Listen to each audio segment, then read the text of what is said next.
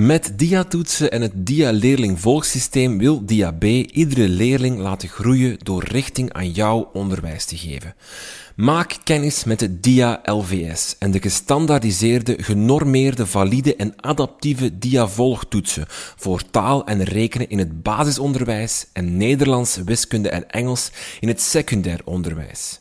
Als je als basisschool voordelig wilt kennismaken met het DIA-LVS, kan dat door je aan te melden als partnerschool. Wil je meer weten? Kijk dan op de website www.diab.be of vraag een gratis productpresentatie aan.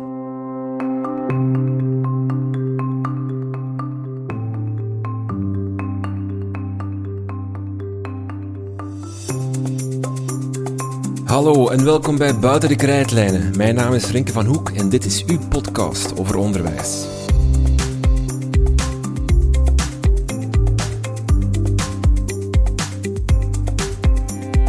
Deze week hebben we hoog bezoek in onze podcast. Niemand minder dan onderwijsminister Ben Wijts is onze gast. Als minister van Onderwijs staat hij voor gigantische uitdagingen. Het lerarentekort, de digitalisering, modernisering van de eindtermen en de dalende kwaliteit van ons onderwijs. Een stevige portefeuille waarin hij moet heersen en verdelen. We spraken met hem over die uitdagingen en welke plannen hij allemaal heeft voor ons onderwijs. Ben Wijts.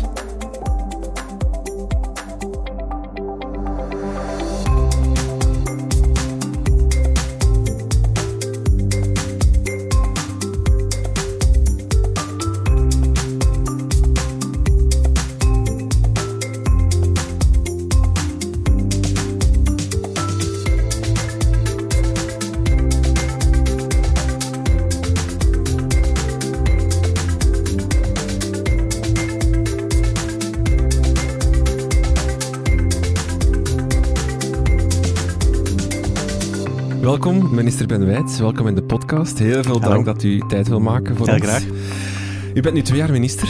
Ehm, Bijna. Ja, voilà. Eh, eh, we staan aan de vooravond van een nieuw schooljaar. Ehm, twee jaar eh, minister Onderwijs. Waar botst u op als minister Onderwijs om, om dingen te veranderen in het onderwijs? Ja, in eerste instantie, ik heb natuurlijk een, een vorige regeerperiode er al op zitten, ten aanzien op vlak van andere bevoegdheden. En dat is wel, als minister van Onderwijs, is toch wel iets anders. Hè. Je voelt je soms als eh, minister van Onderwijs meer de voorzitter van een diplomatieke conferentie, dan dat je echt eh, aan het, rechtstreeks aan het stuur kan zitten. Dat vergt dus aparte skills. En dat, dat bevalt me ook wel. Als je kijkt naar eh, hetgeen dat we hebben gerealiseerd, om maar enkel corona te noemen. Eh, met eh, wat ik noem onze onderwijsclub, eh, het onderwijsveld, met meer dan 50 vertegenwoordigers van de koepels, van de vakbonden, maar evengoed van de Vlaamse scholierenkoepel, de kinderrechtencommissaris, you name it, iedereen binnen het onderwijsveld die ter zake vertegenwoordigd is. Dat je daar natuurlijk, dat geeft ook wel wat voldoening als je erin slaagt om met een zo maximaal mogelijk gedragen standpunt naar buiten te komen. En dat maakt dat je, en dat is misschien ook een bonus van die coronacrisis, ja, je bent wat dichter tot elkaar gegroeid, gewoon omdat je tot elkaar veroordeeld was. Maar dat heeft er wel toe geleid dat de, de lijnen korter zijn geworden en dat je soms wel ten aanzien van dossiers die misschien voorheen onmogelijk eh, in beweging te krijgen waren, dat dat wel gelukt is. Eh, om maar iets te noemen, de vaste benoeming, eh, de evaluatieprocedure, dus de ontslagprocedure, die tevoren vier jaar was, oh, dat was daar kon je niet over spreken. Dat was absoluut een taboe. Wel, we zijn er wel in geslaagd om ehm, met een beetje quid pro quo. Eh, en ook in het kader van een, een diplomatieke oefening, enerzijds die vaste benoeming te vervroegen, namelijk eh beginnende leerkrachten die al na een jaar eh, zicht krijgen op een vaste benoeming. Daartegenover dat de ontslagprocedure dat die van meer dan vier jaar is teruggebracht tot één jaar, twee negatieve evaluaties, kan aanleiding geven tot een ontslag al na iets meer dan één jaar, excuus. Het is diplomatiek zijn, hè, dat, dat zei u. Bent u al gefrustreerd geweest over het feit dat, dat het soms niet gewoon inderdaad iets beslissen is en dan gewoon uitvoeren is, maar dat het inderdaad overleggen is en soms ook botsen is op ah, dit, dit gaat of het, nu, het gaat nu niet. het betrekkelijk vervelende is natuurlijk dat de buitenwacht eh, u natuurlijk aanziet als een minister, dus omnipotent. Eh, u beslist. Ja. En dus eh, wanneer het gaat zelfs nu over de late levering van handboeken. Dan word ik dat via mijn mailbox uh, in het vizier genomen. Dat dat toch wel een schande is. En waarmee zet je toch bezig, uh, minister? Terwijl ja, mensen hebben er geen notie van dat de minister van Onderwijs niet beslist uh, over de levering, de productie. ook niet over de keuze van, van de handboeken. Dat is vrijheid van onderwijs natuurlijk. Ja, ja. Dus dat frustreert soms wel eens. Maar ja. U zit als minister van Onderwijs ook in een, in, wat je net al schetste, in een soort van ehm, spinnenweb. Spanningsveld, ja. spanningsveld. En met, met verschillende actoren daar rond. de leerkracht, maar ook inderdaad vakbonden, mm koepels, scholen, uh, al die organen. Wat vindt u dat u, u, uw functie daarin is? Want ik kan bepaalde dingen beslissen, ik kan bepaalde dingen, uh, uh, decreten schrijven van zo gaan we het doen. Tegelijkertijd kan u ook heel veel dingen niet beslissen, die vrijheid van onderwijs. Wel, ik, ik zei daar straks ook dat je soms wel een beetje voelt als voorzitter van diplomatieke conferentie, maar uh, waarbij dat toch ook iedereen naar u kijkt om leiderschap te tonen en ja, wel een, een richting aan te duiden. En ook al is men in, niet helemaal mee met die richting, dat uh, men, men kijkt toch een beetje naar u en eenmaal dat je erin slaagt om wat autoriteit te verwerven, dan stel je wel vast dat het makkelijker praten valt, makkelijker handen valt. En om zulke concrete dossiers dan toch in beweging te krijgen, om een ander uh, dossier maar te noemen, het inschrijvingsrecht, dat ook geblokkeerd zat, uh, dat in slop zat. maar evengoed het, uh, het M-decreet. Hoe ziet uw ideale school eruit? Mijn ideale school is een school die kinderen en jongeren omhoog tilt en zo maximaal mogelijk leerwinst boekt. En kinderen en jongeren ontwikkelt tot sociale wezens die zich goed voelen in hun vel en in uh, interactie tot anderen. Ja. En waarbij dat beide elementen natuurlijk onlosmakelijk met elkaar verbonden zijn. Hè. Die discussies van over ja, waar moet het naartoe, kennis uh, Of, of welbevinden. Het is precies of-of. Ja, het is natuurlijk, als je goed leert, dan voel je je beter. En als je je beter voelt, dan mhm. zal je beter leren. Ja. En, eh, want eh, er zijn nu ook verhalen van scholen die door, door de eh, coronacrisis, die nu opeens hun leerlingen nog eens terugzien zonder dat mondmasker, die zeggen van we gaan twee weken even gewoon tijd nemen om kennis te maken. Denkt u dan van dit gaat te ver? Of, of zit daar, is die diversiteit onder die scholen goed? Vindt u dat een positief punt? Of zou er meer uniformiteit mogen zijn? Ja, ik heb dat nu net geleer, gelezen over een, nota bene, een uh, school in basisonderwijs, dacht ik Terwijl het basisonderwijs, dat die het afgelopen schooljaar eigenlijk altijd voltijds open zijn gebleven. En uh, voor de, de eerste tot en met de vierde leerjaren ook zonder mondmasker. Dus dat vond ik wel een opzienbarende... Uh, een opzienbarend element, vooral de verantwoording in deze. Omdat men zei, ja, we moeten toch oog hebben voor de meest kwetsbaren. Ik denk dat net bij uitstek de meest kwetsbaren hebben het grootste baat bij leren omdat zij thuis een veel minder lerende omgeving hebben dan uh, kinderen die, die in een niet kwetsbare situatie vertoeven. Dus uh, ja, soms stel je wel wat uh, vast dat soms de slinger wat doorslaat. Maar goed, dat is altijd met de beste intenties. Zou je dan willen ingrijpen als minister? Moest het kunnen? Moest die vrijheid van onderwijs er niet zijn? dan overvalt je natuurlijk wel de idee van, god, waar, waar, waar, is men daarmee bezig? En wat ik dan het vervelendste vind, is dat er natuurlijk afstraalt. Dat is één van de 4000 scholen. En vervolgens wordt dat veralgemeend tot uh, het volledige Vlaamse onderwijs. Dat vind ik dan uh, veel nefaster en, en storender. Maar goed, ik weet ook altijd wel dat die mensen in kwestie en, en ook citaten die uit hun context worden gerukt en dergelijke meer, ik ben er ook regelmatig slachtoffer van. Dus je kan dat wel uh, relativeren en een plaats geven. Ja. Bent u op zich voorstander dat, dat er heel veel diversiteit is onder die scholen? Dat bijvoorbeeld school 1 werkt met, met leefgroepen, dat school 2 werkt uh, met, met jaarklassen, dat de andere school met uh, flexibele uren werkt, het andere doet het dan weer klassieker. Uh, de een hebben digiborden, de andere niet. Dat, dat die diversiteit er is onder Vlaanderen? Dat dat ja, dat is, on, dat is een boetade, dat is onze on, ongelooflijke rijkdom. En, maar goed, ook dat altijd lokale situaties verschillen, dus ook scholen verschillen, leerlingenpopulaties, leerkrachtenpopulaties verschillen. Dus uh, die, en die verschillen zullen ook hun weerslag vinden in de, in de school en in het lesgeven. Dat is maar de evidentie zelf. En ook daar krijg je soms wel gekke vragen, ook vanuit de media, van ja, maar uh, geen regels, hè, overal hetzelfde. Uh, zelfs als het gaat over de hele die discussie over CO2-meters, overal hetzelfde, verplichte opleggen. In elke klasroom 100.000 klaslokalen, allemaal een verplichte CO2-meter. En dan nog los van wat effect dat dat heeft, maar gewoon altijd de idee van de uniformiteit. En uh, de, de Gleichschalt doen, alles gelijk schakelen, dat, daarvoor wil ik toch uh, ons wel hoeden. Hmm. Er zijn ook wel een aantal experten die, die, die zeggen dat ons onderwijs afdaalt, dat, dat de onderwijskwaliteit daalt volgens PISA-resultaten. En die dan heel hard um, bepaalde vormen van lesgeven pretenderen. Zou je er voorstander van zijn dat daar meer gepusht wordt naar leerkrachten toe van je, dit zijn manieren van lesgeven die werken en die goed zijn vanuit de Vlaamse regering, vanuit, eh, vanuit u als minister, van kijk, dit, deze manier van, van lesgeven werken, stop met wat, wat mhm. jullie doen, want dat werkt niet? Wel, ik vind wel dat we daar een, een, een beter aanbod moeten kunnen doen richting de leerkrachten. Ik vind een beetje dat leerkrachten, um, dat het misschien soms iets... Uh, te gemakkelijk is gemaakt of dat uh, men al te veel is te moeten of willen terugvallen op leerplannen waarbij dat je opnieuw discussie over wat uniformiteit en de gelijkschakeling. Wel, eh, sommige leerplannen waarbij dat echt alles wordt aangeboden aan de leerkracht, inclusief de handboeken, inclusief de invulboeken. En eh, wat een beperkend effect heeft, denk ik, ten opzichte van de creativiteit en de dynamiek van leerkrachten, zowel als uh, voor leerlingen natuurlijk. Maar één is wel, ben ik tevreden dat nu toch wel we met z'n allen het erover eens zijn dat de onderwijskwaliteit gewoon daalt.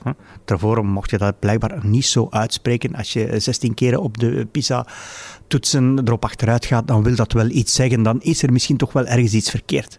Die erkenning, denk dat we nu al toch zo ver zijn. Eh, ik heb ook mensen verzameld, vooral leerkrachten en experten, maar vooral leerkrachten, mensen van op het terrein, om toch eens proberen te komen, kunnen we niet een beetje meer naar een nieuw consensus gaan met betrekking tot dat lesgeven. En uh, ik, wil allemaal geen uh, paleisrevolutie veroorzaken en, en, de grote aanval tegen constructivisme of zo inzetten. Dat, dat, dat, dat, is echt allemaal niet aan mij besteed. Maar ik wil wel meer probe proberen komen tot, op grond van een erkenning van het probleem, dat de recepten uit het verleden en heden toch niet gewerkt hebben, of toch niet volledig gewerkt hebben, dat we misschien toch ook eens moeten bekijken wat werkt er effectief of wat zou er kunnen werken? En dat is ook niet erg. Trial and error is ook geen erg.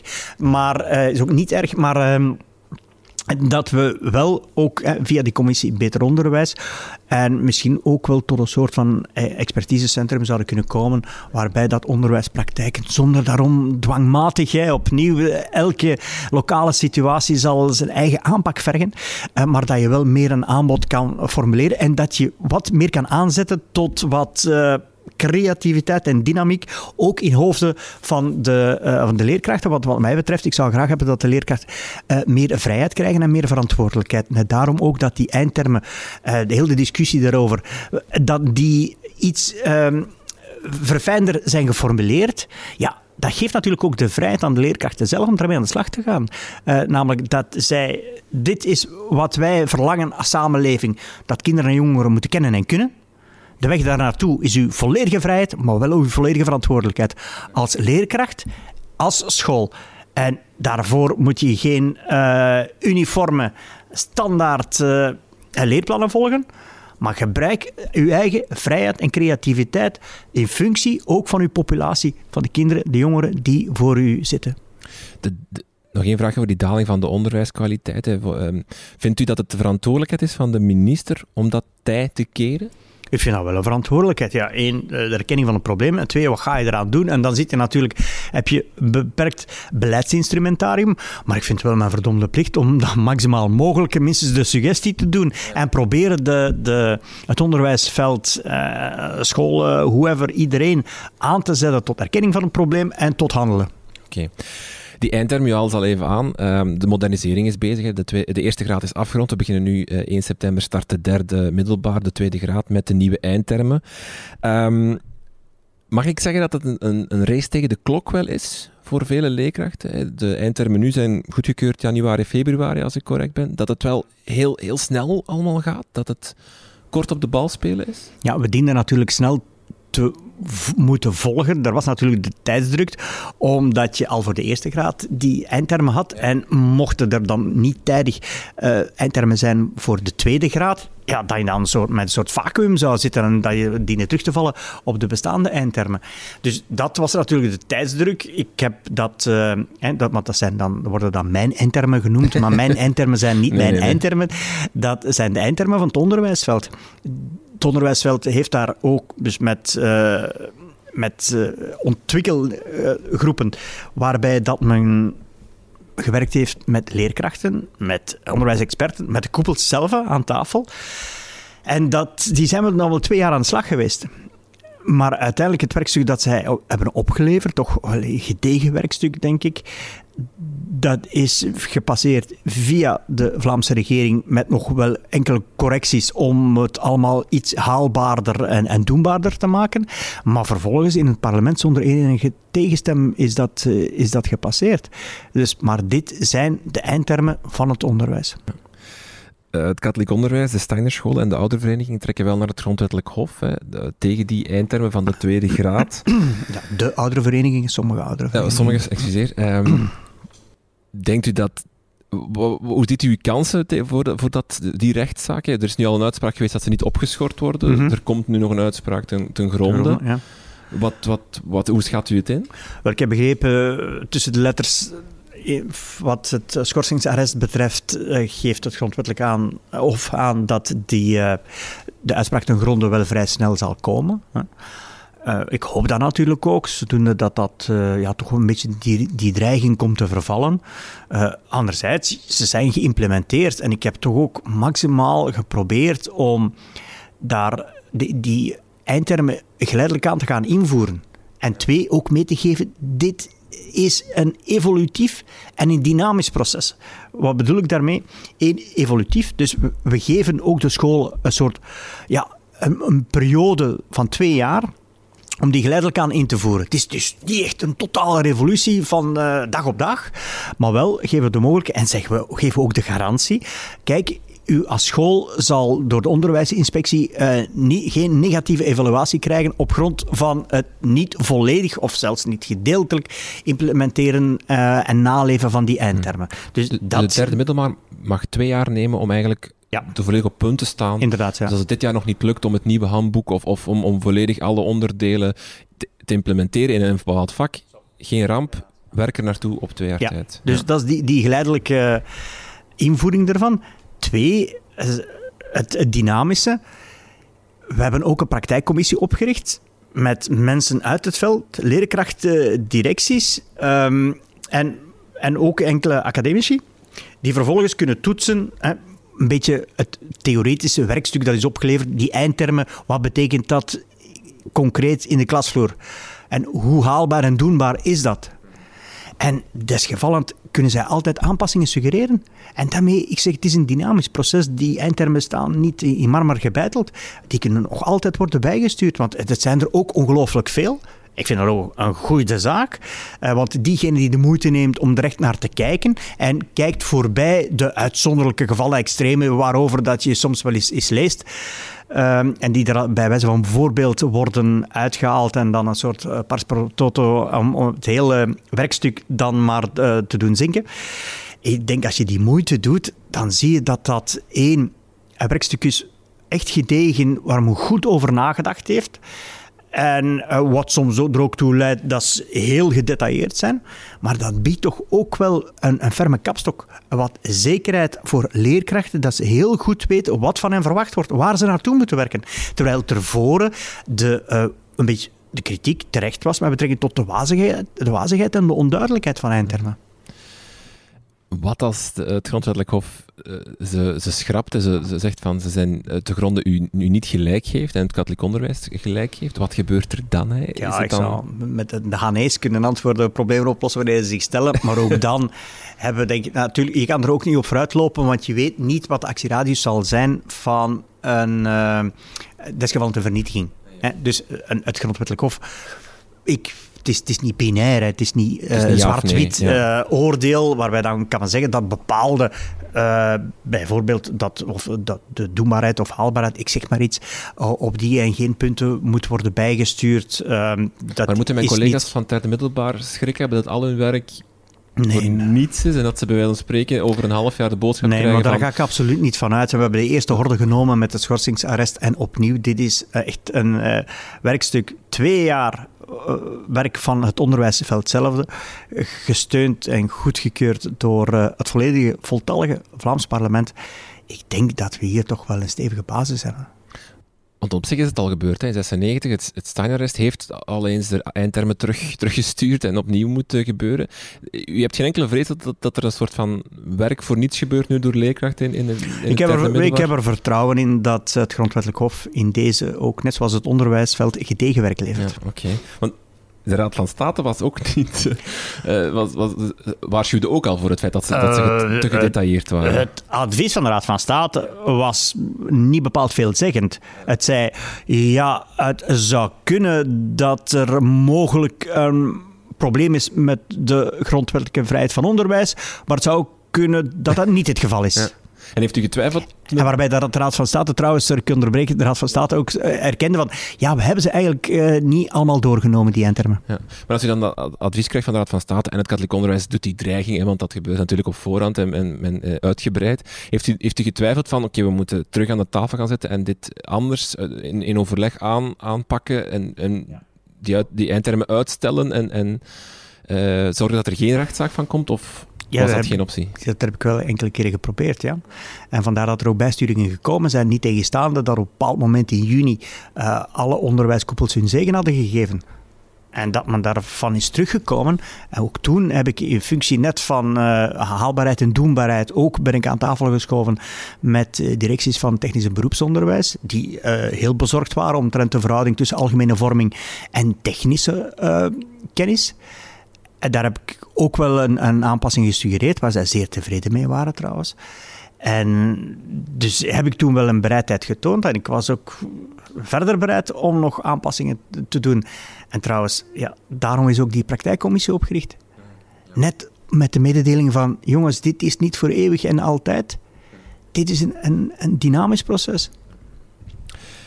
Wat, u ook, eh, wat er ook zit aan te komen, of wat hij ook uh, heeft beslist, dat er centrale toetsen komen in, in Vlaanderen. Hè. Dat uh, komt er vorig jaar aan. Elke leerling zal in de loop van het leerplichtonderwijs vier keer zo'n centrale toets afleggen aan het einde van het vierde en het zesde leerjaar en aan het einde van het tweede en het zesde jaar secundair onderwijs. En de start is in 2023, als ik helemaal juist In 2023 willen we beginnen proefdraaien. Ja. En, en, dan volledige uitvoering, implementatie in 2024. Waarom is het belangrijk dat we centrale toetsen krijgen in, in Vlaanderen? Ja, wel ofwel is heel de wereld uh, fout, ofwel zijn wij daarin fout. Want op dat vlak zijn we toch betrekkelijk uitzonderlijk.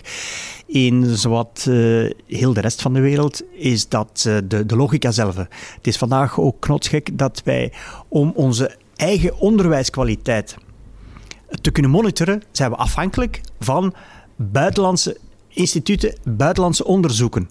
Pearls, uh, Tims, uh, PISA, we hebben ze genoemd. En die trouwens dan worden gefinancierd door onszelf. En dikwijls ook uitgevoerd door onze universiteit, of minstens met medewerking van onze universiteiten. Uh, vandaag hebben verschillende koepels hebben hun eigen toetsen.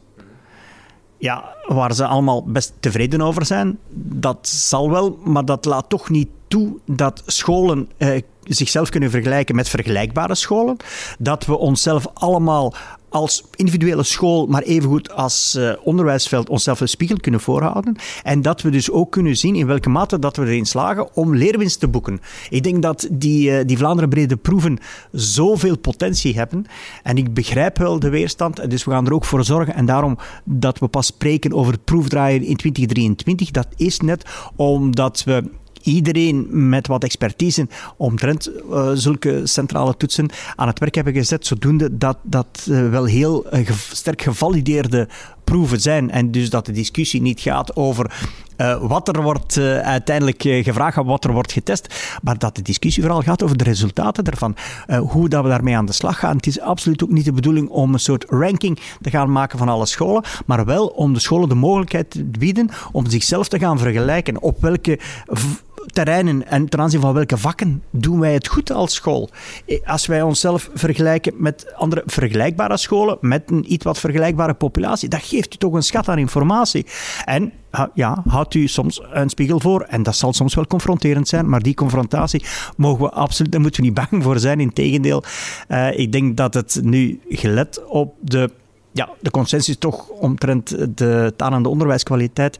Eh, ook dat is een, misschien een confronterende realiteit waar we gewoon mee aan de slag moeten.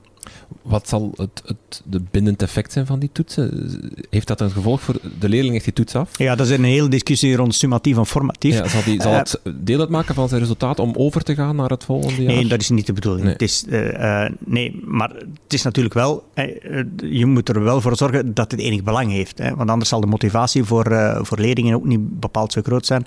Maar ik denk natuurlijk ook wel dat scholen sowieso wel gemotiveerd zullen zijn om ervoor te zorgen dat hun leerlingen hun beste beentje voorzetten. Hè. Als ze weten dat dat dient is als een instrument voor zelfevaluatie, ja, dan heb je er ook alle baat bij om het spel heel correct te spelen en ervoor te zorgen dat leerlingen maximaal geïnformeerd, maar ook uh, gemotiveerd zijn om ermee aan de slag te gaan. Dus het, dus het woord centrale examen is niet echt helemaal juist. Als we examen nemen hoe dat wij het kennen in, in Vlaanderen, namelijk op het einde van het jaar, om te zien of dat je door mag naar het... Wel, gebruiken ook het woord examen niet. Hè. Ik zeg over Vlaam, Vlaanderen brede toetsen, Vlaamse toetsen. Ik denk dat dat een oncorrecter beeld is. Zal de klasraad de, de resultaten van de leerlingen krijgen? Ik denk dat het ook zinvol is dat je met die uh, resultaten op individueel niveau aan de slag gaat. Daarom ook dat het zo goed is dat je uh, gedurende het hele curriculum ook voor, voor ouders, voor leerlingen, dat ze zien welke leerwinst ze voor zichzelf boeken en waar dat er misschien uh, even fout is gegaan, maar niet helemaal op het einde van de rit, maar dat je tussentijds ook nog kan uh, daarmee geconfronteerd worden en dat je er dus ook mee aan de slag kan. Mm -hmm.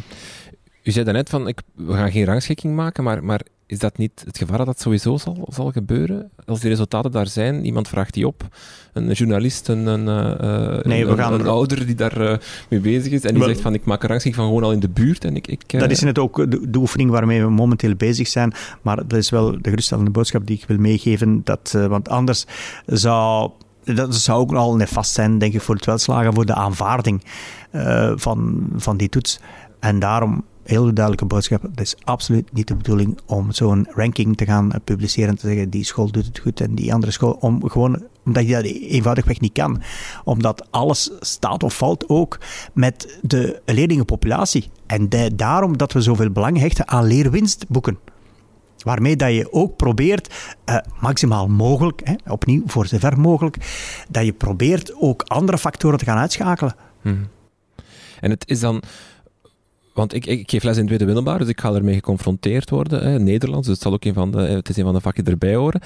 Uh, het is enkel om, om, voor, om te kijken op, op schoolniveau van zijn we goed bezig voor Nederlands? Of, of gaat het ook gebruikt worden om, om te kijken of, hoe dat ik goed bezig ben als leerkracht Nederlands? Uh... Wel, die discussie, daar zijn we momenteel allemaal mee bezig. Dus wat je kan, eh, de, de mogelijkheden zijn legio natuurlijk, maar opnieuw in functie van uh, de aanvaarding en om iedereen mee te krijgen, denk ik dat we goed moeten aflijnen wat we gaan doen met die resultaten. Ja, wat, is uw idee daarover? Van, van wat zou idealiter zijn van, van hoe dat we die gebruiken? Want je kan enerzijds de ontwikkelingsgerichte functie gebruiken om, om inderdaad te kijken leer, leerwinst van leerlingen. Van, je hebt een gevalideerde toets, dus je kan perfect gaan kijken van hoeveel leerwinst heeft hij geboekt.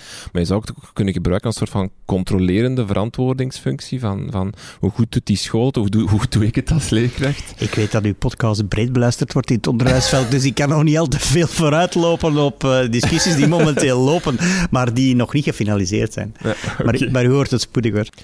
De, de kwaliteitsdriehoek, drie zijden, de eindtermen is, is één zijde, die wilt u versterken, verstegen met centraal toetsen, met een modernisering van die eindtermen. De andere twee zijdes, inspectie en pedagogische begeleidingsdienst, um, wordt, wordt die genoeg versterkt? De inspectie heeft het moeilijk om, om, om de vijf jaar of bij elke school langs te gaan. Ik sta vijf jaar in, of zes jaar in het onderwijs. Ik heb nog nooit inspectie gehad. Um, de begeleidingsdiensten heeft u op bespaard of die zijn, zijn terugge, teruggedrongen.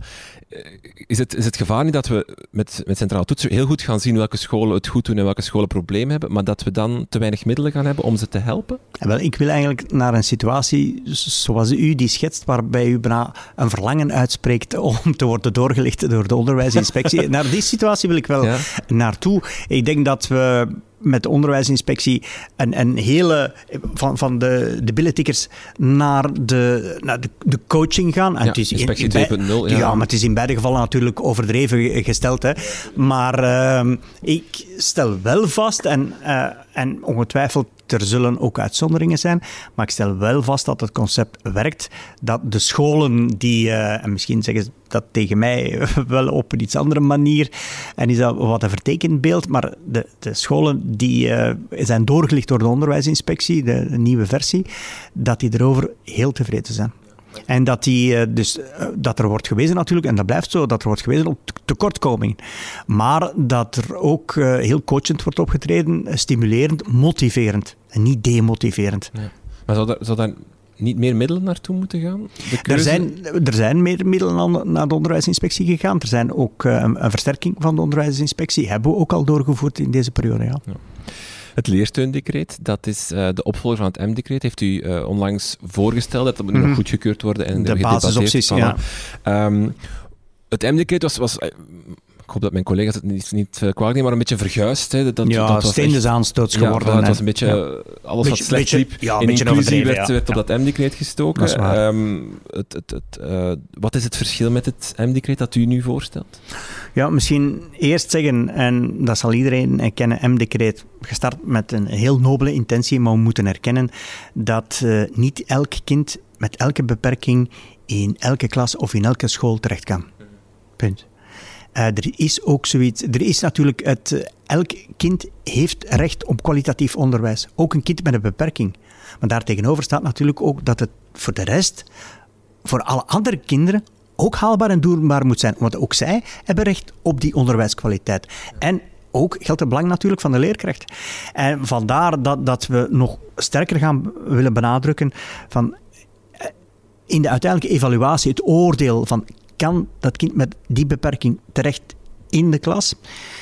In plaats van in het buitengewoon onderwijs bijvoorbeeld, dat daar het oordeel wel echt ligt bij de klasraad. En dat we daar uh, minder, dat er minder terughoudendheid moet zijn, dat we meer uh, zekerheid bieden aan die klasraad in het oordeel. Dat is één. Twee is de ondersteuning zelf. We hebben vandaag heel veel ondersteuners en heel veel instellingen. Je spreekt over honderden instellingen, een versnipperde expertise.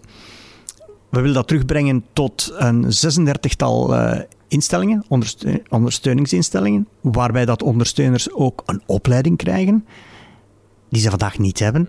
Veel ondersteuners komen vers uit, de, uit, hun eigen opleiding en hebben geen specifieke expertise op vlak van, van diverse typologieën. Maar toch moeten ze dat doen en moeten ze zelfs ervaren leerkrachten gaan ondersteunen, gaan adviseren ten aanzien van een expertise die ze zelf, waarvoor ze zelf nog niet echt de tijd hebben gekregen om die te verwerven. Dus, en dat heeft natuurlijk ook te maken, want uh, het toezit, ja, uh, heeft natuurlijk ook te maken met uh, het gebrek aan een rechtzeker statuut. Dus we willen ondersteuners ook uh, een zeker statuut geven, verbonden aan een, uh, een van die 36 instellingen. En er ook voor zorgen dat er altijd ook een link is met buitengewoon onderwijs. Want sommige specifieke expertise zit bijna enkel met dat buitengewoon onderwijs. Dus het zou gek zijn om die niet te, gebruiken en die niet in te zetten. En dus ook dat, dat we de schotten tussen uh, het, het, gewone uh, onderwijs en buitengewoon onderwijs, dat we die ook maximaal proberen uh, weg te werken. Dat er meer een permeabiliteit is en dat, of, of dat de de deur tussen uh, buitengewoon onderwijs en gewoon onderwijs, dat er een klink staat aan beide kanten van die deur. En dat kinderen en jongeren ook eh, de, de twee richtingen uit kunnen. -hmm. Heeft u geen schrik voor, voor, voor clash tussen school en ouders dan? Ouders vaak heel gemotiveerd om, om een kind in, ja, in, in, in het gewone on, reguliere onderwijs te, te, krijgen of te houden, of, of geloven daar heel hard in, hè, zeker als ze achter inclusie staan.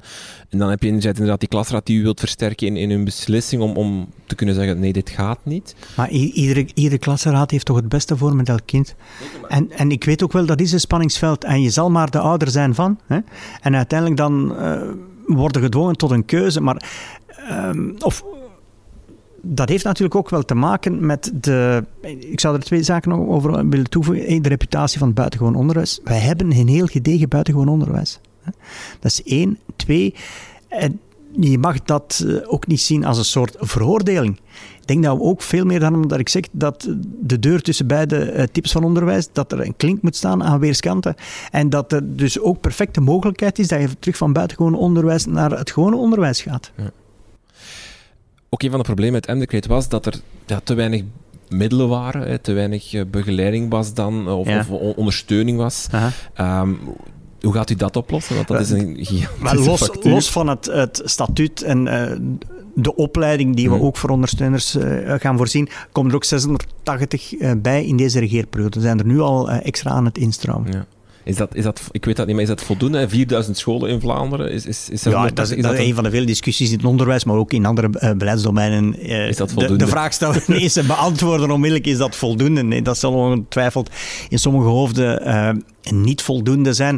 Maar het is wel, 680 is toch wel een, een, een serieus aantal. Oké. De digisprong, daar moeten we het ook even over hebben. Een forse investering, denk ik. Het is al 500 en zoveel euro per leerling in het secundair onderwijs. Ja, 385 miljoen euro in totaal. Voilà. Um, het, het, is er gekomen door corona? Is dat, is dat een revolutie geweest? Het was natuurlijk wel mijn intentie om op dat vlak proberen toch ook een... Uh, uh, en in deze kan je misschien veel meer spreken over een revolutie dan een evolutie, uh, om die revolutie te bewerkstelligen. En dit was wel het moment hè, om daarvoor de, de, extra budgetten te kunnen verwerven. Ook in het kader van relatie heb ik dit op tafel gegooid. Ja. Het is er heel snel gekomen. Het, moest ook natuurlijk snel gaan met corona. Je, krijgt nu wel signalen van, van scholen, van, van, die niet, die, voor, uh, van facturen die toch worden doorgerekend. Scholen die toch nog afwachtend zijn met, het, met er iets mee te gaan doen. Andere scholen die natuurlijk uh, los vooruit gaan. Hebt u schrik van het beeld over, over drie jaar op het einde van die Amstermijn dat ze bij een school gaan filmen en dat ze daar dan honderden laptops onder het stof gaan zien? En dat dat, een soort van afrekening? Nee, dus de kritiek is ja, te snel uh, en anderen zeggen dan weer te weinig. Hè. Misschien eerst beginnen met te weinig. Ja, 385 miljoen euro, dat is meer dan een vertienvoudiging van het budget. Uh, ongetwijfeld zijn er nu die zeggen nee, het moest maal 20 zijn. En als je maal 20 doet, zijn er die zeggen nou, het moest maal 40. Dus het is een gigantische inspanning. Uh, wat betreft te snel, ja, we zaten algemeen genomen eh, zaten we wel op achterstand. En we moeten die achterstand ombuigen tot een voorsprong. Nu is het moment. We hebben allemaal, eh, veel scholen hebben in het kader van het, de organisatie van het afstandsonderwijs, eh, dat was een ongelofelijke schok. Wake-up call, zeker met alle respect, in het basisonderwijs heb ik wel heel veel leerkrachten gehad. Die zeiden van, wat overkomt me nu? maar die achteraf ook laten weten, we zijn blij dat we daartoe gedwongen zijn geworden om daarover te gaan nadenken en om dat uiteindelijk in ons gewone lesgeven, nu in uh, bijna post-corona-tijdperk, om die voordelen van, uh, van het digitale aanbod en die ICT-instrumenten, om die ook nu gewoon te gaan implementeren. Dus voor sommigen is dat inderdaad een, een ommekeer, maar we zorgen er ook voor dat één, de scholen krijgen wel twee jaar. Eigenlijk hadden ze al een jaar de tijd om zich voor te bereiden, maar ze krijgen nu nog twee jaar. Dus sommige klassen, eh, sommige leerjaren zullen ook niet onmiddellijk aan de slag gaan. We hebben daarvoor ook de, de financiering is ook gespreid over twee jaren. Dus dat is de weg van de geleidelijkheid. Uh, maar daarnaast zorgen we er ook voor dat uh, de scholen die echt van nul moeten beginnen, dat die ook wel via uh, digisprong.be, via het kenniscentrum, echt begeleid worden. En je mag dat heel letterlijk nemen. Dus wij nemen hen echt bij de hand en zeggen van kijk, je moet eerst starten met een ICT-beleidsplan. Daar start alles mee. Dus begin niet eh, losweg maar bestellingen te plaatsen rond uh, ICT-toestellen. Bekijk eerst, werk eerst uw ICT-beleidsplan uit. We hebben ook zo'n ontwerpplan. En waarbij dat stap per stap, hoe ga je daar, daarmee te werk? En vervolgens ga je kijken welke toestellen hebben daarvoor nodig. Ik schrik wel hoor als ik zie dat in het vijfde en zesde leerjaar dat ik de kritiek krijg dat 290 euro te weinig is per leerling. Want wij hebben laptops gekocht van 500 euro. Dan vraag ik me wel af, op grond van welke beleidsvisie dat dan? Als je zulke zware toestellen in het vijfde en zesde leerjaar, ja, het kan best zijn dat er een, een perfect legitieme verantwoording voor is, maar ik zie ze niet onmiddellijk. misschien kan de situatie ook opnieuw lokaal verschillen, maar dat zijn de uitzonderingen en ik ben toch ook blij dat... Uh, je moet vaststellen dat de scholen daar echt goed mee aan, de slag gaan. En je hebt inderdaad uh, uitzonderlijke gevallen waarbij dat er uh, heel wat centen worden gevraagd aan de ouders die daarover boos zijn. Mogelijk is daar ook een perfecte, perfecte verantwoording voor te vinden.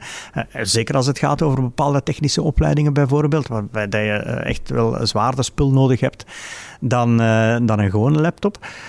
Maar ook daar, ja, ga een dialoog met elkaar en, zorg ervoor dat je de ouders ook mee hebt. Hè. Ook als het gaat over de discussie van uh, de bestaande toestellen die leerlingen al hebben aangeschaft of ouders zich al hebben aangeschaft, ja, moeten die volledig overboord worden gegooid? Ook die discussie. Als je dan en zegt, ja, nee, we laten die niet toe. En uh, je moet ook nog eens heel veel betalen om uh, een nieuwe laptop te, te, kunnen krijgen. Ja, dan verwacht je wel veel van de ouders, denk ik. Maar opnieuw daar een dialoog is de. Want de, de digisprong toont ook wel een beetje de, het lesgeven van de toekomst aan. Hè. Het zal met de laptop gebeuren. Of hoort de leerkracht met het krijtje aan het bord, met, voor het groene bord, uh, die geen laptops gebruikt, geen digitale middelen, hoort hij nog thuis in het onderwijs van 2021, 2022? Ik weet niet dat die nog helemaal bestaat vandaag. Ik denk niet dat een school is nu ook geen offline eiland. Um, ik overdrijf natuurlijk een beetje, maar... Ja, ja, ja, ik had het begrepen. maar alleszins, ik denk dat... Dat is net de bedoeling, hè. Dat, is, dat we die uh, eh, ICT-beleidsvisie... Ja, die, die is er om niet meer weg te gaan. En ik denk dat we ook daar wel in geslaagd zijn om die, ja, die digisprong in de hoofden te realiseren. Ik denk dat iedereen daar ondertussen in het onderwijs echt zich van bewust is. Er is geen ontkomen aan, dus we kunnen er maar beter het beste van maken. Maar is het nu ideaal idee dan elk vak met de laptop volledig, bij spreken, digitaal, het werkboek weg, het handboek weg? En, maar opnieuw geen uniformiteit, creativiteit. En dus het... Uh, het is geen doel op zich, hè, die digitalisering. Is een instrument om beter te kunnen lesgeven. Om mogelijk te maken dat leerkrachten zich ook nog meer kunnen concentreren op hun kerntaak, op dat lesgeven. En om betere les te geven en om meer leerwinst te boeken. Mm uh, het laatste onderwerp is, is misschien het heikelste of het moeilijkste. Of het, ja, het lerarentekort. We moeten het er het, het toch even op, aanraken. We zitten aan de vooravond van een nieuw schooljaar. Um, we krijgen signaal uit Brussel, Antwerpen, dat daar nog heel veel vacatures openstaan. Ik las ergens 130 nog in, in Brussel. Um, ook bij ons zijn ze nog op zoek naar een leerkracht Nederlands, als er iemand luistert. Uh, maar... Um, op zich, het is een probleem dat eigenlijk tien jaar geleden of vijf jaar geleden ontstaan is. Of toen, dat, dat, dat, dat, dat is niet gisteren ontstaan. En nog voor u, uh, uw voorganger had er ook al mee te maken. Had er ook al gesprekken over. Um, het is ook niet wat met een vingerknip of met, wij spreken, een aantal miljoenen kan oplossen. Voelt u mhm. zich machteloos als u al die berichten ziet passeren, al die krantenartikels? Ja, meneer, er is er weer een, weer een uitdaging erbij. Vooral, er is, er is één belangrijk gegeven dat het nog meer dan ooit parten speelt, is natuurlijk de algemene krapte op de arbeidsmarkt. We zijn ook op dat vlak geen eiland hè, met mhm. ons onderwijs. Er zijn verschillende sectoren die eh, echt zwaar verlegen zitten om arbeidskracht. Bij ons is dat ook zo. Dus we moeten maar ieder voor zich, en het is een concurrentiële markt op dat vlak, hè, tussen de verschillende sectoren en beleidsdomeinen. En we moeten maar ieder voor zich uh, initiatieven nemen om zo aantrekkelijk mogelijk te zijn en mensen kunnen verleiden om effectief de overstap te zetten naar dat onderwijs. Ik denk dan um, in eerste instantie naar de instroom. Eén, de instroom, de zij-instroom, waarbij we toch mogelijk gemaakt hebben dat uh, steeds meer knelpuntvakken in aanmerking komen om uh, acht jaar anciëniteit mee te nemen. Als je overstapt van privé naar onderwijs, scheelt hem toch 300 euro netto per maand. Dus is wel een factor van belang. Maar ik heb het dan ook over de instroom natuurlijk uit de lerarenopleiding. En zelfs de instroom in de lerarenopleiding. Ik vind dat we die lerarenopleiding wel een beetje mogen opkrikken, dat we daar ook wel de lat mogen hoger leggen. Zowel in de opleiding zelf als aan de ingang van die opleiding. Dat we met eikingstoetsen moeten werken. En eikingstoetsen waar ook gevolgen aan worden verbonden. Namelijk als, je, uh, als er tekorten worden vastgesteld, dat aan die tekorten ook wordt geremedieerd dat niet, zoals vandaag bij veel eikingstoetsen het geval is, het maakt niet uit wat je invult, er wordt toch niks gedaan met het resultaat. Ja, waarom organiseren we die toetsen dan nog, als er toch niks mee wordt gedaan? Dus daarom ook zeggen van kijk, uh, laat ons ervoor zorgen dat we misschien ook via die eikingstoetsen wat meer trek in de schouw veroorzaken. Dat we de lat wat hoger leggen. Uh, en dat, je, dat we afstappen uh, of dat we afgraken van die perceptie waarbij dat lerarenopleiding, ja, dat is iets dat je gaat doen als je enkele, eerst enkele andere opleidingen zonder succes hebt geprobeerd. Um, ook de aanvangsbegeleiding ook zoiets belangrijk, hè, de, de retentie, de talentvolle leerkrachten bij ons houden, in het onderwijs houden. Je kent die studie wel, hè, die zegt dat in de eerste vijf jaar ongeveer 40 procent van de startende leerkrachten in de eerste vijf jaar afhakt, dat we die kwijt zijn, dat is dramatisch. En op dat vlak scoren we in vergelijking met andere sectoren veel slechter. Uh, en dus een van de oplossingen ook daar is, ik hoop ook omdat gewerkt hebben met die vaste benoeming, sneller zekerheid te kunnen geven voor startende leerkrachten. Dat scholen die sneller aan zich kunnen binden via die vaste benoeming die vervroegd wordt. Uh, maar evengoed met de aanvangsbegeleiding. Dus dat je ook meer die, die coaching gaat opnemen en dat je die uh, startende leerkrachten ja, minder aan hun lot overlaat. En tot slot, denk ik ook de aantrekkelijkheid van uh, lerarenberoep. We zijn nu de laatste hand aan het leggen aan een, een CAO, waarbij we de afspraak hebben gemaakt van kijk, we kunnen twee dingen doen. Ofwel gaan we met z'n allen gewoon zeggen, en dan zijn we heel rap, uh, zijn we heel snel klaar. We doen zoals in andere beleidsdomeinen 1,1% uh, koopkrachtverhoging. En dan is al het geld op. Ofwel kunnen we dat gestipleerd inzetten, die middelen. En gaan we kijken of dat, dat iets ook kan betekenen voor het aantrekkelijker maken van het job en voor de onderwijskwaliteit. Mm. We hebben u raadt het al gekozen voor de tweede optie. Geen hoger loon, maar wel... Uh, wel gecibleerd. en dus ja. uh, waarbij dat we spreken over ja, toelaten dat er meer aandacht wordt besteed aan de primaire taak, namelijk dat lesgeven, en minder aan secundaire taak, dat je daarvoor meer kan vrijgesteld worden. Ook, uh, we spreken ook over een fietsvergoeding die verhoogd wordt, een internetvergoeding. Er ook voor zorgen, wat daar straks over de digisprong, ja, dat ook alle leerkrachten die die sprong kunnen, kunnen maken, dat die ook uh, op ICT-vlak geëquipeerd worden. Maar, en nog enkele zaken meer. Ook uh, beleidsondersteuning voor, uh, voor directeurs. Ook het knelpuntvak der knelpuntvakken, denk ik. Hè? Of knelpuntberoepen. Ja. Die, die CIO, inderdaad, je gaat daar uh, lost een aantal dingen op of maakt het een beetje aantrekkelijker. Een um, beetje, door, beetje ja. veel, ja. maar, maar op zich blijft die de planlast, wat toch een van de grote ja. Um, ja, issues is voor een leerkracht, waardoor het ja. ook vaak waardoor het stopt of waardoor het job zwaar wordt, die blijft wel onaangeroerd. Mm -hmm. wat, wat kan u of wat kan u daaraan doen in de toekomst om dat ja, verwacht ook daar nog maar een initiatief. Um, en meteen gekoppeld ook aan, aan de juridisering, die soms ook wel wat fictief is. Uh, in die zin dat uh, soms, een verantwoordingsplicht wordt opgelegd Terwijl dat ook helemaal niet nodig is hè, om zich te beschermen tegen een gevaar dat eigenlijk ofwel onbestaande is, ofwel ontiegelijk klein. Met juridisering bedoelt u uh, leerlingen die hun attest aanvechten. Ja, aanvechten inderdaad. Ja. En uh, via de rechtbank. En, en waarbij dat, dat er in sommige, en, en opnieuw alle scholen uh, verschillen, maar ik, uh, ik, krijg wel getuigenissen over een omvattende verantwoordingsplicht, waarbij dat voor elk, elke leerling een individueel dossier met, wordt aangelegd met alle toetsen en alle evaluaties en alle commentaren uh, gebundeld en op zich al een hele administratie, een hele boekhouding voor elke leerkracht. Terwijl dat, dat ook niet zo nodig is en terwijl dat dan sommige gevallen, hè, uitzonderlijke rechtspraak, wordt aangehaald om voor ter verantwoording van die verantwoordingsplicht. Dus dat is wel een, overdreven reactie. Daar probeer ik wel wat een, een kader rond te maken dat een beetje meer ja, zekerheid moet geven, wat meer rust moet kunnen brengen. Uh, dat is één zaak. Twee, opnieuw, we hadden het daar straks over de onderwijsinspectie. Ook daar een specifieke taak voor de onderwijsinspectie om te bekijken wie genereert welke administratieve last.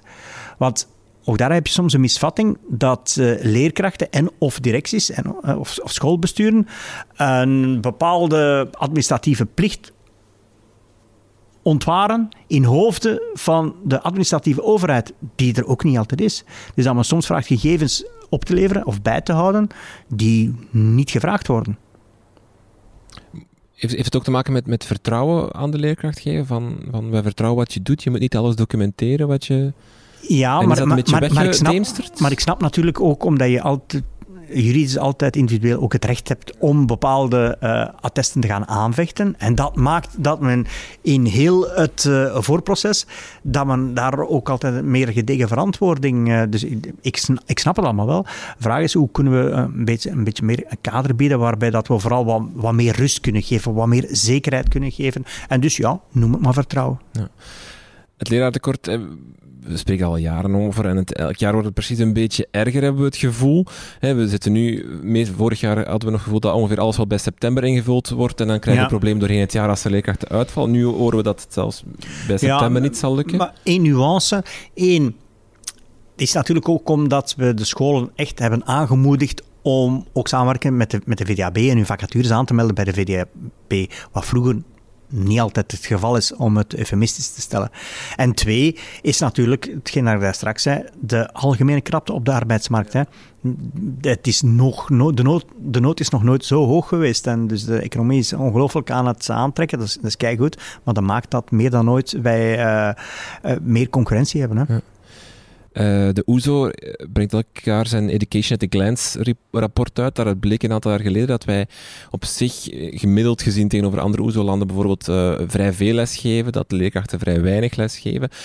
Zou u het overwegen om daar ooit op in te grijpen? Om te zeggen van kijk, we, brengen de 32 uur van leerlingen naar 30 uur. Daarmee lossen we, één, maken we veel geld vrij. Twee, lossen we het leraartekort deels op, want we hebben minder uren nodig. Is dat, zijn dat overwegingen die, die ooit al op tafel hebben gelegen of waar, waar over nagedacht zou kunnen worden? Ik denk dat in functie van de onderwijskwaliteit, die toch een grote bezorgdheid is, uh, daar zou ik me dan toch nog meer zorgen over maken. Maar ik denk dat uh, wel vormen van een soort blended leren ook wel wat oplossingen kunnen bieden, is in samenspraak of samengaand met natuurlijk de digitalisering van ons onderwijs. Daar mhm. liggen nog wel wat kansen, denk ik. Mhm.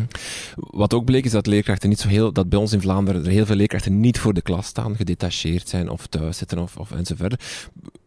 Gaat u daar uh, een maatregel op nemen, die detachering? Daar is al sprake van geweest dat dat misschien moet teruggeschroefd worden. Is dat iets ik, ik wil daar ook de oefening doen om dichting en waarheid van elkaar te, gaan onderscheiden. Uh, er is een heel lang aanslepende discussie. We hebben uh, ook beloofd om daar wat klaarheid in te, in te scheppen en wat uh, een doorlichting van alles open te gooien en te bekijken waar gaan de middelen naartoe. En komen de middelen, want je weet toch wel, als je kijkt ook naar het percentage van het bruto nationaal product, hetgeen wij besteden als Vlaamse samenleving aan onderwijs, ja, op dat vlak behoren we toch wel tot een wereldtop. Uh, alleen is er natuurlijk de vraag, hoe komt dan dat de output toch nog een beetje tegenvalt? Zeker in een OESO-perspectief, in, in, een internationaal vergelijkend perspectief. Wel, laat ons gewoon proberen opnieuw onszelf een spiegel voor te houden en alles wat open te leggen. En die, uh, die discussies en de aantijgingen die op dat vlak eh, bestaan, bestonden, ja, gewoon eens te bekijken, die discussies proberen te objectiveren. Mhm. Ehm, er zit ook een, een, historische scheeftrekking tussen het, geld dat naar het secundair onderwijs gaat tegenover het geld dat bijvoorbeeld het basisonderwijs krijgt. Dat is niet echt in verhouding. Of die, het gaat veel meer geld naar het secundair onderwijs. Mhm. Is dat iets dat u wil rechttrekken? Of is dat iets wat nu helemaal nodig is? Ik denk dat we op, op dat vlak al wel wat uh, inspanningen gedaan hebben. Um, enerzijds het kleuteronderwijs hebben verleden jaar een extra injectie gegeven, recurrent, van 71 miljoen euro. Uh, trouwens, er komen ook nog kinderverzorgers bij in het kleuteronderwijs. Ook dat is opnieuw 23 miljoen euro bij. Dus eh, snel gerekend, met nog enkele andere zaken, er zit snel aan 100 miljoen euro extra daar. En gaat u daar nog inspanningen rond doen om dat, om dat te trekken? We, wil dat ook zeggen dat er geld wordt weggetrokken? De, de, de zorguren hebben we ook verhoogd. Zo, daar extra middelen. Ik denk dat er ook iets van een 23 miljoen euro wordt. Aan de andere kant hebben we in het begin ook gezegd, we gaan een inspanning doen op vlak van het secundair onderwijs, om proberen een beetje meer uh, evenwicht te bewerkstelligen. Maar, uh, dus ik denk dat we al wel wat gedaan hebben. Mm -hmm. Um, uw, uw voorgangster, eh, mevrouw Krivits, die probeerde om een, een, een groot jobpact af te sluiten. Dat is dan niet mhm. gelukt. Maar ik, maar ik stel dat u het probeert om het in kleinere stukjes te doen en, en, stap voor stap Gewoon stap voor, stap voor stap vooruit te zetten. Want het, het grote risico is altijd als je zo'n soort staten-generaal gaat organiseren, gaat iedereen alles, die denkt van het is het moment. En al hetgeen dat we nu niet op tafel leggen, ja, dan is het voor nooit meer. En met als gevolg dat die kerel zo overladen wordt, dat die niet meer getrokken kan worden of dat die kapseist. Maar gaat het dan niet te traag als het stap voor stap maar gebeurt? Ja, maar je hebt toch ook een dynamiek. Hè? Dus je stelt nu vast dat er altijd eh, stappen vooruit worden gezet. En ik wil dat ook eh, deel laten uitmaken van een soort ja, vooruitgangsoptimisme, ook in ons onderwijs. Dat is niet allemaal kommer en kwel. We, we zien de problemen onder ogen als het gaat over de onderwijskwaliteit en over het lerarentekort. En we doen er ook effectief iets aan en dat gaat stap voor stap vooruit. Maar het gaat wel vooruit. Mhm. We staan aan het begin van het nieuwe schooljaar, we hebben het al veel gezegd. Maar wat wens u de leraren toe dit schooljaar?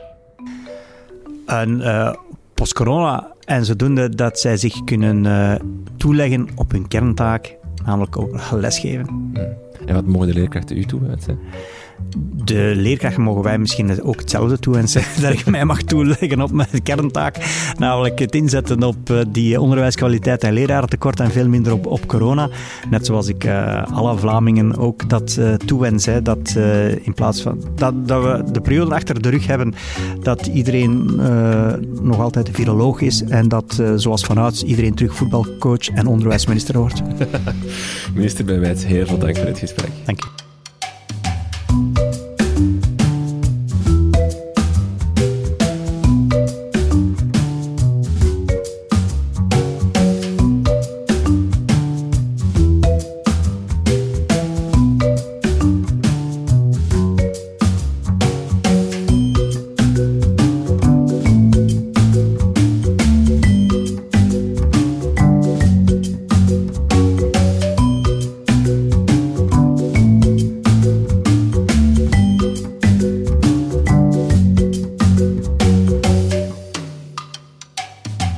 was het dan weer voor deze aflevering van Buiten de Krijtlijnen. Ben jij fan van onze podcast en wil je ons helpen om meer van dit soort afleveringen te kunnen maken? Word dan vriend van de show. Voor 2,5 euro per maand kan je de co-teachers van deze podcast vervoegen en krijg je toegang tot onze Facebookgroep, inzage in onze plannen en ideeën en krijg je ook exclusieve bonusafleveringen te horen. Niet twijfelen dus, surf naar www.dekrijtlijnen.be en word vriend van de show. Volg ons ook op Facebook, Twitter of Instagram. Daarin vertellen we jou eh, over onze plannen. Maar we hebben ook een nieuwsbrief waarin we je op de hoogte houden van onze afleveringen, maar ook interessante lees- en luistertips met je delen. Heel veel dank voor het luisteren en tot de volgende.